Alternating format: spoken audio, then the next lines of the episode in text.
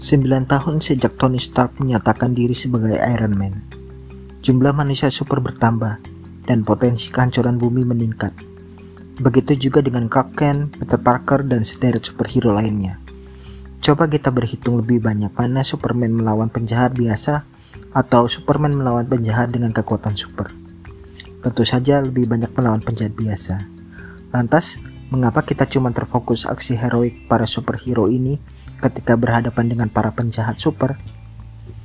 Tentu saja karena seru melihat lawan tanding yang kuat dibanding dengan lawan tanding tak seimbang atau bahkan lebih lemah dari superhero tersebut.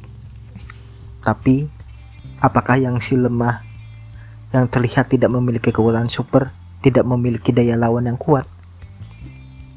Di sebuah kompetensi bergengsi, muncul satu tim yang sama sekali tidak pernah terdengar eksistensinya tiba-tiba menjadi salah satu finalis. Tim ini menjadi satu-satunya tim dari luar Pulau Jawa, sedangkan tim yang lain berasal dari instansi yang cukup ternama di Indonesia.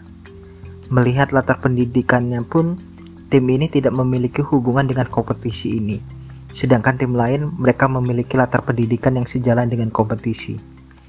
Ketika obrolan-obrolan santai, ada salah satu peserta bicara ke tim ini, bahwa ada orang yang kurang suka dengan tim ini lolos jadi finalis. Sebetulnya gelagat itu sudah tercium sebelum ada yang memberitahu. Laga final pun digelar. Brief kompetisi diberikan. Masing-masing tim diberi waktu 24 jam untuk mencari ide dan mengeksekusinya. Butuh semalaman tim ini untuk mengeksekusi ide, bongkar pasang, dan memasukkan kreatif konten yang beda supaya ada elemen surprise. Keesokan harinya, ide tersebut dapat tereksekusi dengan baik. Sore hari sebelum maju presentasi malam final, tim ini dikenali banyak orang. Mereka kasak kusuk di belakang, bahkan ada yang langsung berkata, ini cowok yang di poster tadi ya? Di hadapan juri-jurimu pun Mi, tim ini kemudian mempresentasikan ide campaign mereka yang bertajuk cari istri dengan menggunakan media poster dan QR code yang langsung ngeklik ke sebuah microsite. Juri dan penonton pun terpukau. Tim ini bukan hanya memberikan materi berupa poster, tapi juga interaktif melalui audio dan visual. Tantangan dalam brief terjawab oleh tim ini. Bagaimana setiap anggota tim dapat terkenal dalam waktu singkat. Bukan sekedar teori campaign, tapi tim ini memberikan result yang nyata bahwa hari, hari itu mereka sudah terkenal. Eksekusi sederhana, cenderung agak, agak gila, menjadikan tim ini memenangi kompetisi ini. Tim lemah dari instansi yang tidak terkenal ternyata mampu meraih juara pertama di malam penghargaan. Tim ini dengan bangga mengangkat piala kemenangannya.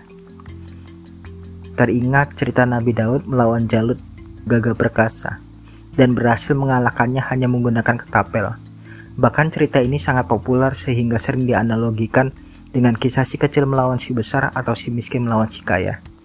Kisah Nabi Daud ini memberikan kita pelajaran bahwa tidak selamanya yang kecil, lemah, tidak bisa menaklukkan raksasa dan kuat. Seperti kekuatan superhero yang tidak jadi menarik ketika harus berhadapan lawan yang tak seimbang. Makanya kita hanya hafal musuh bebuyutan Batman, Superman, atau Sailor Moon. Tapi apakah kita mengingat siapa nama pencopet yang pernah ditangkap oleh superhero tersebut. Untuk jadi juara, kita tidak harus memiliki kekuatan super yang hebat. Pupuk keyakinan dan kerja keras yang membuat kita jadi pemenang.